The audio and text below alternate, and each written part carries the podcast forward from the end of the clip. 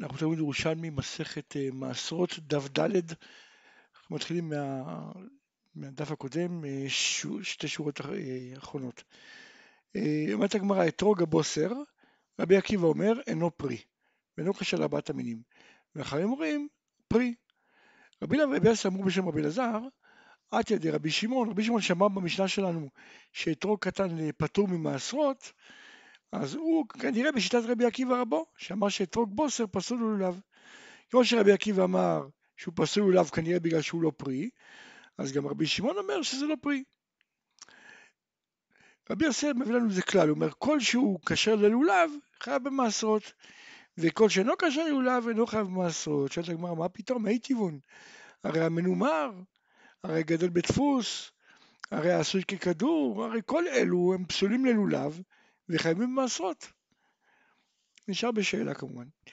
אומרת הגמרא, מסתברא שרבי שמעון, שהוא אומר שאתרוג קטן אה, אינו פרי, מסתבר שהוא יודע לרבי עקיבא שהוא אומר שזה פסול ללולב. אבל רבי עקיבא שאומר שבוסר פסול ללולב, לא בהכרח יודע לרבי שמעון. כי גם אם הוא יסבור שאתרוג בוסר זה פרי, עדיין יכול להיות שהוא סובר שזה פסול לולב, כי זה לא הדר. רבי שמעון מודה לרבי עקיבא, כי כתוב, לקחתם לכם פרי עץ הדר, וזה לא פרי הדר. אבל אה, רבי עקיבא לא יודע לרבי שמעון, שלא כל מה שפסול לולב זה לא, לא פרי. שהרי יש לנו את המנומר כמו שאמרנו, הגדל בדפוס, עשוי ככדור, כל אלה הרי פסולים ללולב וחייבים לעשות. רואים מכאן שאין קשר, אין חובה שמה שיהיה פסול ללולב, שיהיה גם פטור ממעשות.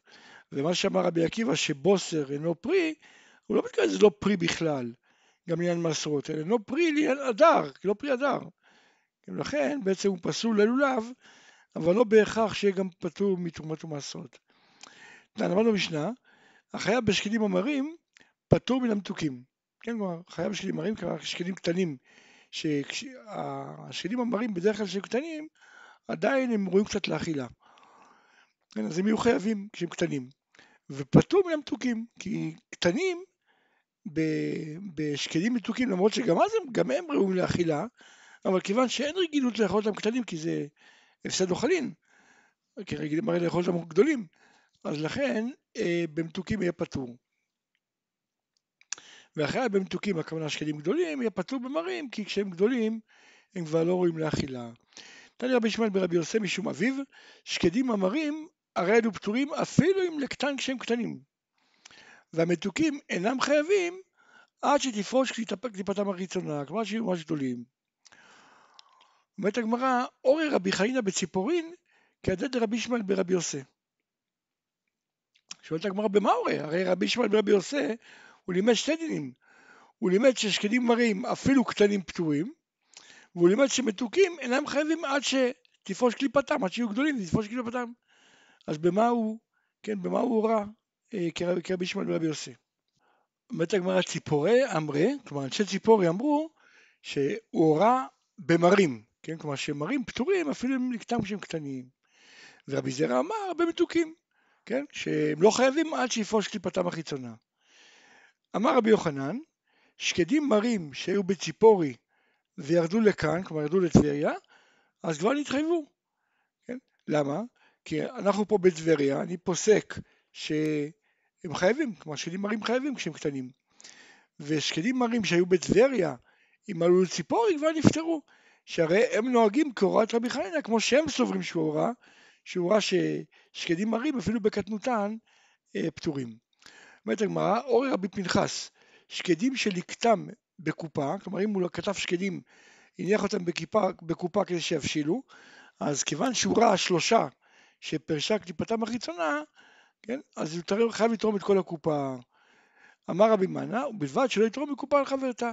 כלומר, זה לגבי אותה קופה, כן, אם שלושה הבשילו באותה קופה, אז כל אותה קופה חייבת, אבל קופה אחרת אה, עדיין פתורה, לכן הוא לא יכול להפריש מקופה על חברתה. פרק א' הלכה ד' אומרת המשנה, וזהו גורנן למעשרות. כלומר, עכשיו דיברנו על עניין של עונת המעשרות, כלומר השלב בגידול שבכלל יכול לחול על הפרי אה, דין של תרומות ומעשרות. עכשיו אנחנו מדברים על העניין של חובת המעשרות, כלומר מתי, מתי אדם לא יכול לאכול אכילת ארעי. אז איזה הוא גאולה למעשרות? הקישואים והדלויים מי שיפקסו, כן, יפ, יפקיסו, הכוונה שמורידים את הפרח בקצה, בקצה הדלויים והקישואים, שזה פרח, אז כשהיו קוטפים את זה, אז מורידים אותו. ואם אינו מפקס, מי שיעמיד ערימה. אבטיח מי שישלק, זה אותו דבר, גם באבטיח יש איזה פרח קטן, ברגע שהוא מוריד אותו, זה נקרא מי שישלק. ואם אינו משלק, מי שיעשה מוקצה, גם כן עושים ערימה במחסן. עכשיו, ירקנה יגד, מי שיוגד, ואם אינו אוגד, אז מי שמלא את הכלי, ואם אינו מלא את הכלי, מי שילקוט כל צורכו. הכלכלה, כמו של אה, תאנים וכדומה, מי שיכפה בעלים, כלומר אחרי שהיו קוטפים, היו בדרך כלל מכפים את זה בעלים, לשמור על הטריות. ואם אינו מכפה, מי שמלא את הכלי. ואם אינו מלא את הכלי, מי שילקוט כל צורכו. עכשיו, באמת דברים אומרים, כל מה שאמרנו עד עכשיו, זה מובניך לשוק, כן? כלומר, אה, כל העניין, גם מרוח הגורן, כל מה שמקובל שמרוח הגורן זה מה שמחייב, אה, וגם העמדת הערימה וכולי וכולי, כל אלה מחייבים אם הוא רוצה להוליך לשוק. אבל אם הוא מתכוון לשמור את זה בבית שלו, הולך לביתו, אז אוכל מהם ארעי עד שהוא מגיע לביתו. הפרד והצימוקים והחרובים מי שיעמיד ערימה. הבצלים מי שיפקילו, כן, יפקילו הכוונה שיוריד את השורש ואת הקליפות שלא לא מחוברות. ואם אינו מפקד, מי שיעמיד ערימה. התבואה, שימרח. ואם אינו ממרח, מי שיעמיד ערימה. הקטניות, מי שיכבור, כן, שיסנן את ה... שכל אה, האבנים יישארו, והוא בעצם מפריד מה... מהאבנים. עכשיו, ואם אינו קובר, מי שימרח. עכשיו, אף על פי שמירח, כלומר למרות שהוא מירח כבר את הגורן, נוטה מן המקוטעים, כלומר כל מה שעוד לא דש, לא, לא היו חלק מה, מהערימה שהוא דש, וגם מן הצדדים, כלומר כאלה שנידושו אבל לא, לא התמחו עם הקרי ולא הרים אותם בתוך הערימה, וגם מה שבתוך התבן, כאלה שעדיין נידושו והכל, אבל עדיין מעורבים עם מוץ, עם מוץ. אז הוא יכול לאכול מהם ארעי. היין, מי שיקפא. כן, יקפא הכוונה כל מה שצף, את כל הפסולת שצפה למעלה, ברגע שהוא מסיר את זה, אז הוא מתחייב. עכשיו, הפי שכיפה קולט מן הגת העליונה, מן הצינור ושותה, כלומר מה שעדיין עוד לא ירד לתוך הבור, יכול לשתות ממנו. השמן מי שירד לעוקה, עוקה זה הבור התחתי של השמן. אף פי שירד, נותן מן האקל ומן הממל, כן, הממל זה האבן שטוחנת את הזיתים, בין הפצים, בין האבנים, ונותן לך מיטה, כלומר יכול לאכול את זה עם, עם לחם, ובתוך התמחוי גם כן כלי שני יכול אה, להניח שמן בתוכו, אבל לא ייתן לתוך הדפס ולגדרה כשאין מרותחין, כי בישול הרי קובע למעשרות, כן, אז ברגע שהוא שם את זה בתוך כלי ראשון, אז זה קובע למעשרות. רבי יהודה אומר, לכל הוא נותן חוץ לדבר שיש בו חומץ וציר. כלומר, רק אם, אם זה כלי ראשון, ודבר כאן שהוא לא על האש, ויש בו חומץ וציר, אז באמת הוא מבשל. אבל אם הוא, וזה קובע למעשרות, אבל אם הוא אה, כלי ראשון אפילו, ולא על האש, אז אם אין בו חומץ וציר הוא לא מבשל. אומרת הגמרא, למדנו במשנה איזה הוא גאונן למעשרות, הקישואים והדלויים משהפקיסו. מה יפקיסו? מין דוירים פיקסוסה, כשהוא לוקח את הפרח או השיער, כן, שיש דעה שאומרת שהכוונה שיש איזה שיער שצומח על הדלויים והוא מחליק אותם, ויש אומרים שהכוונה לפרח. תנן, אבטיח מי שישלק, מה מי שישלק? מין דאוירים של קוקה, זה בדיוק אותו דבר, רק לגבי אבטיח זה נקרא אה, לשלוק. היה מפקס ראשון ראשון, או משלק ראשון ראשון, לא נטבלו עד שיפקס כל צורכו, כן? או ישלוק כל צורכו, זאת אומרת אם הוא רוצה לקטוף נניח 100 אה, אבטיחים, אז גם אם הוא שלק 10, 20, 30, עדיין הוא פטור, עד, שיפ, עד שהוא ישלוק את כל מה שהוא רוצה. אותו דבר לגבי דלויים, עד שהוא יפקס כל מה שהוא רוצה. עכשיו,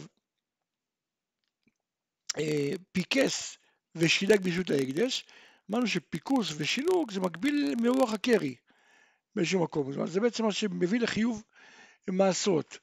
אז אם אנחנו הקדיש את הדלועים והגזבר פיקס אותם, או שילק את האבטיחים, ואחרי זה הוא פדה אותם, חייב במעשרות, זה כמו מירוח הכרי, כמו שאם הגזבר מירח את הכרי, אז, ולאחר מכן הוא פדה את זה, אז הוא פטור במעשרות. למדנו במשנה, יהיה כאן נאגד מי שיוגד. עכשיו, אם הוא גדול צינוק, נניח הוא אגד אגודה ענקית, כן? אבל, בש... כן, בשדה ככה הוא עשה את זה. אבל בדעתו להתיר ולחזור לאגדות, שינוק לשוק. הוא מתכוון אחרי זה לעשות ערימות, אגודות קטנות קטנות, אה, למכור אותן בשוק. אז אומרת המשנה, אומרת הגמרא שנטבל. כן, כלומר, כבר, כבר באגודה הראשונה בשדה, באגודה הגדולה זה כבר נטבל. ואחרי זה כבר אי אפשר לאכול מזה ארעי. רבי זרע ביי, אם כוונתו להתיר ולאגוד מחדש לאגודות קטנות, אז הרי עדיין לא נגמרה מלאכת שדה. אז איך אתה אומר אכן שהוא יהיה חייב? אלא כן היא, ככה צריך להגיד באמת. או אוגדות שינו גדול בשדה, והוא עתיד לאוגדות שינו קטן לשוק, כן? נטבל רק שיאגוד שינו קטן לשוק. כן? זאת אומרת, אם הוא אגד כרגע אגודה גדולה, אבל הכוונה שלו להתיר את זה ולאגוד אגודות קטנות כדי למכור בשוק, אז יהיה תבל רק, כלומר יתחייב במעשרות רק שהוא יאגוד אותם אגודות קטנות לשוק. למד במשנה, ואם אינו נאגד, אם אינו אוגד, מי שימלא את הכלי. ואם אינו ממלא את הכלי, מי שילקוט כל צורכו. אומרת הגמרא, הייתה כלכלה אחת ובדעתו למלות חציה, אז כיוון שמן החציה, נטבלה.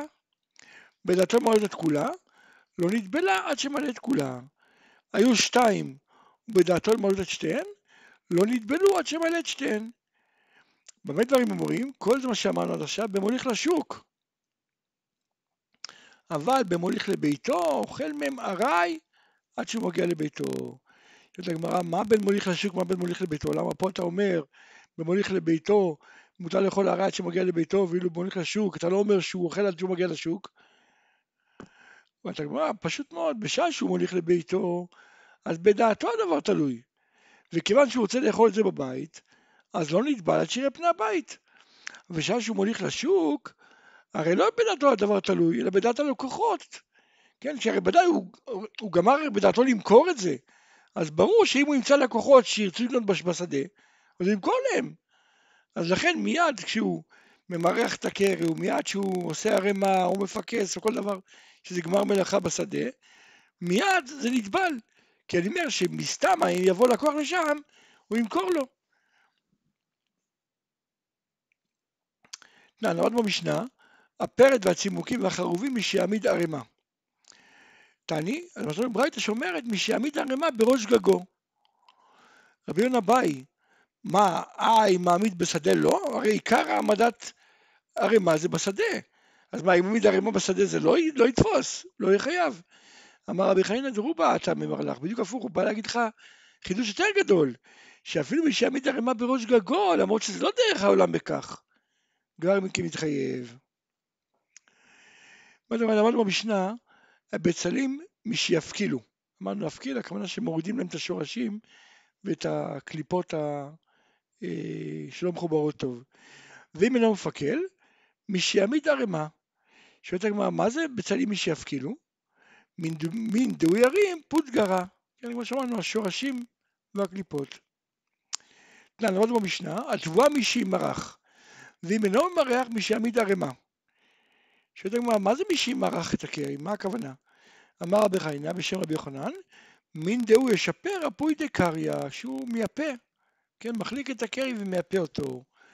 אומרת הגמרא, נראה לי יעקב בר סיסין, ממתי הוא תורם את הגון משתעקר העלה, כן, הכלי שאיתו הוא אוסף את החיטים, כן, לערימת ברגע שיקחו אותו, כן, אז בעצם הוא מתחייב. אומרת הגמרא, כן, כאן שיש דעתו למרח, אז מי שימרח. אבל כאן שאין דעתו למרח, אז זה מי שיטול את העלה.